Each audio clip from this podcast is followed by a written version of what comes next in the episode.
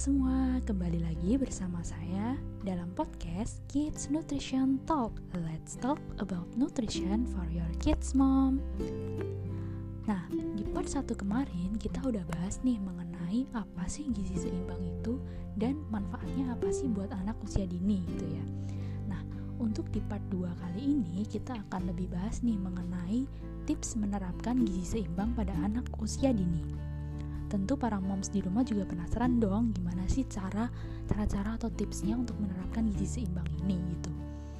Oke, nggak usah berlama-lama lagi, kita lanjut aja ke pembahasannya. Always stay tune. Nah, yang tips yang pertama itu adalah sediakan makanan yang bervariasi bagi anak. Nah, kenapa sih harus bervariasi atau beragam gitu?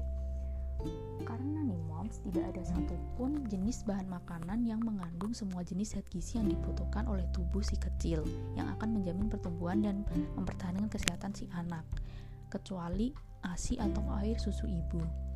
Nah, oleh karena itulah perlu banget nih untuk mau dalam setiap konsumsi makannya setiap kali makan itu perlu dengan memvariasi, memvariasikan berbagai macam bahan makanan Misalnya dalam satu piring itu harus idealnya itu ada makanan pokok, lauk pauk yang diperoleh dari lauk pauk nabati dan hewani dan juga sayur dan buah. Kenapa begitu? Misalnya aja nih nasi. Nasi itu kan sumber utama karbohidrat ya. Tetapi si nasi ini kan nggak kaya akan kandungan vitamin dan mineral, sehingga dalam setiap kali makannya untuk memenuhi kandungan, untuk memenuhi uh, asupan kebutuhan asupan vitamin dan mineral, perlu ditunjang juga dengan menambahkan sayur dan buah-buahan.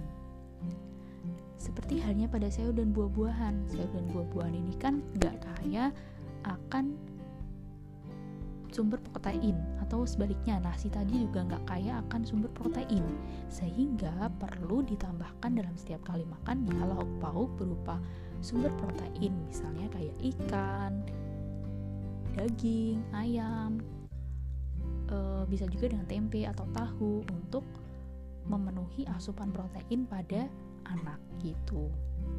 Nah, sehingga setiap idealnya setiap kali makannya tadi harus ada nasi atau makanan pokok. Makanan pokoknya ini nggak hanya nasi ya mom. Jadi bisa juga divariasikan dengan berbagai bahan makanan pokok lainnya. Misalnya uh, roti kentang jagung dan lain sebagainya. Kemudian harus ada lauk pauk yang berupa protein hewani dan nabati dan kemudian adalah sayur dan buah. Sehingga ketika dalam setiap kali makan terdiri dari ketiga kelompok bahan makanan itu, maka zat gizi yang diperlukan bagi anak untuk menunjang pertumbuhan dan perkembangan anak akan terpenuhi. Begitu. Kemudian tips yang kedua adalah membiasakan perilaku hidup bersih dan sehat. Nah, ini apa manfaatnya? Supaya anak itu bisa terhindar dari berbagai penyakit infeksi atau penyakit menular lainnya. Nah, dengan menerapkan perilaku hidup bersih dan sehat sejak dini, tentu anak itu akan tertanam gitu mulai sejak dini. Oh, ternyata itu kita itu harus uh, berperilaku hidup bersih dan sehat supaya nggak gampang sakit atau nggak gampang eh, nggak uh, gampang ya nggak gampang terkena penyakit gitu ya misalnya kayak diare atau yang lain sebagainya.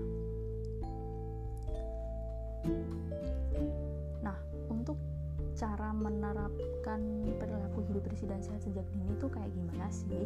Nah, bisa juga dengan mulai mengajari anak untuk membiasakan perilaku hal-hal perilaku hidup bersih dan sehat dengan melakukan hal-hal yang kecil seperti mengajarkan anak untuk mencuci tangan dengan sabun dan air mengalir sebelum makan dan setelah bermain gitu.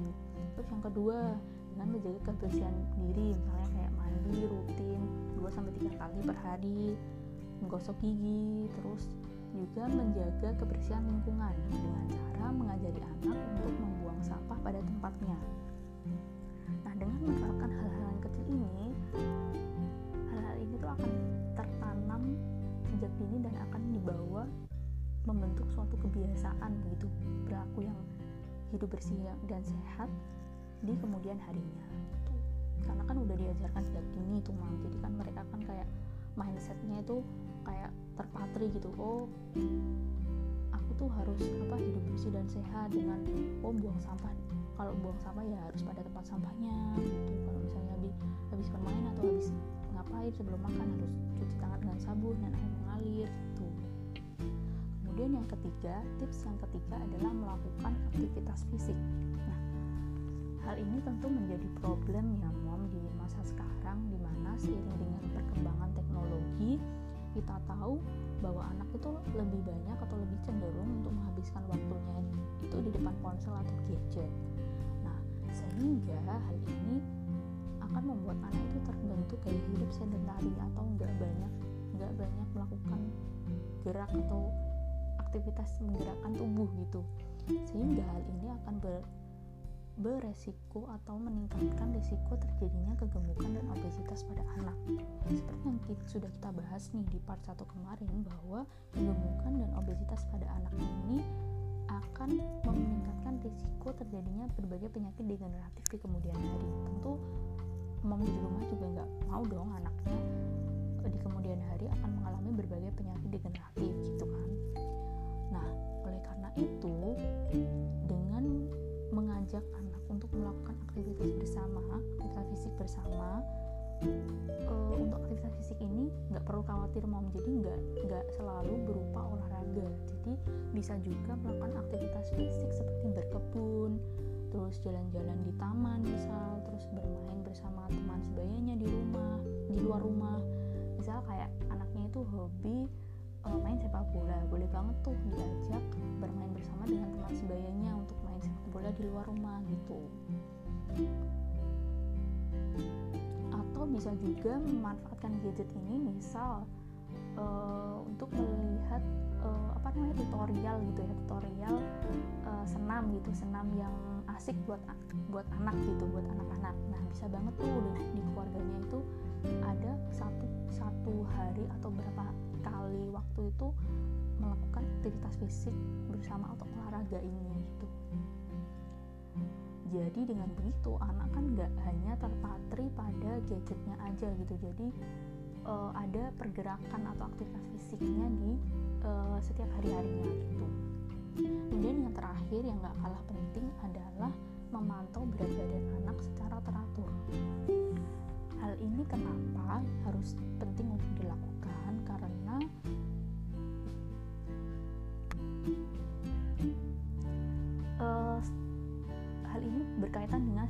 gizi pada anak di mana status gizi normal pada anak ini merupakan salah satu indikator yang menunjukkan adanya keseimbangan zat gizi di dalam tubuh. Nah, salah satunya dapat diukur dengan e, berat badan anak yang disesuaikan dengan tinggi badannya gitu. Nah, perkembangan status gizi anak ini juga bisa banget nih mom dilihat pada KMS-nya. Jadi KMS-nya jangan disimpan aja ya mom. KMS-nya dilihat tuh di bagian belakangnya tuh ada grafik uh, di bukunya tuh ada grafik pertumbuhan anaknya gitu. Apakah sesuai dengan lajurnya atau bagaimana gitu. Jadi misalnya pas di posyandu bisa banget nih dikonsultasikan ke petugas kesehatannya. Tentu kan uh, untuk anak ini kan ada kegiatan rutin di posyandu ya moms. Jadi sambil tuh dilihat uh, dikonsultasikan oh ini ternyata dari KMS-nya tuh uh, status gizinya itu uh, berat badannya itu tidak sesuai nih dengan tinggi badannya misal status gizinya kurang gitu. Jadi ketika itu dil dilakukan pemantauan berat badan ini dilakukan secara rutin ketika ada permasalahan-permasalahan seperti ini bisa ditangani atau dicegah sejak dini gitu sejak sehingga uh, di kemudian hari tidak muncul berbagai permasalahan gizi lainnya yang menyertai. Misal oh ternyata status gizinya itu kegemukan si anaknya. Jadi bisa ditangani tuh dengan konsultasi ke petugas kesehatannya. Oh harus gini bu gini gini gini gini. Sehingga uh, status gizi kalau ketika sudah ditangani maka status gizi anak akan berangsur-angsur menjadi normal dan kemudian hari tidak terjadi berbagai permasalahan misal kayak penyakit yang degeneratif yang ditimbulkan dari si kegemukan dan obesitas ini jadi jangan lupa ya mom untuk terus memantau berat badan berat badan anak Anda secara berkala. Oke, mungkin itu aja sih tips tips-tips yang bisa aku bagikan untuk moms di rumah nah oh iya ada yang kelupaan nih. Jadi untuk uh, menyediakan uh, makanan yang bervariasi bagi anak ini bisa banget nih moms dengan misal membuat uh, siklus menu untuk si anak. Jadi anak itu nggak gampang bosen gitu. Kan kayak problema anak tuh kayak uh, anak itu kan cenderung makannya kan kadang mungkin ada yang pilih-pilih atau gimana gitu ya mau dan gampang bosen terhadap uh, satu hidangan tertentu yang disajikan terus menerus gitu. Jadi bisa banget nih dengan membuat siklus menu misal hari ini mau bikin apa bisa di selanjutnya mau bikin apa gitu sehingga uh, anak bisa nggak nggak gampang bosen gitu. Karena menunya misal dengan bahan yang sama tapi divariasikan bentuknya. Jadi misal dari yang bentuk uh, di tempe digoreng biasa bisa yang selanjutnya dibuat uh, bola-bola tempe atau gimana gitu nah tentu hal ini juga disesuaikan dengan budget yang mau sediakan nih.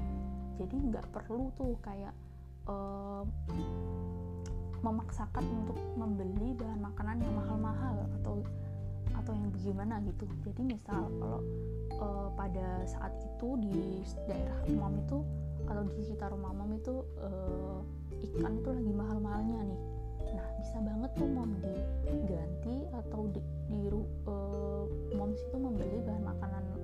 protein lain yang harganya lebih murah. Misal uh, memberi telur atau ayam atau hati ayam gitu. Nah terus misalnya kayak buah tuh pilihlah buah-buah yang emang lagi musim di masa itu sehingga harganya lebih murah. Kayak kayak misal pada hari itu lagi musim mangga. Terus mangga harganya lagi murah. Ya udah beli aja mangga yang penting. Dalam setiap kali makannya itu idealnya harus ada pokok lauk pauk dan juga buah-buah buah-buahan dan juga sayur-sayuran. Ingat ya mom? Jadi untuk makanan yang bergizi dan sehat itu nggak nggak harus dipilih dengan yang mahal-mahal gitu atau harus memaksakan budget yang mau sediakan. Jadi bisa juga di dipilih alternatif bahan makanan lain yang lebih yang ada atau terjangkau di daerah sekitarnya gitu oke mungkin itu aja sih tambahannya tips-tips dan trik cara menyerap menerapkan gizi seimbang pada anak usia dini semoga pembahasan kita kali ini bisa bermanfaat untuk moms di rumah dan juga para pendengar setia Kids Nutrition Talk. Thank you for listening my podcast and see you. Bye bye. Tetap semangat ya moms. thank you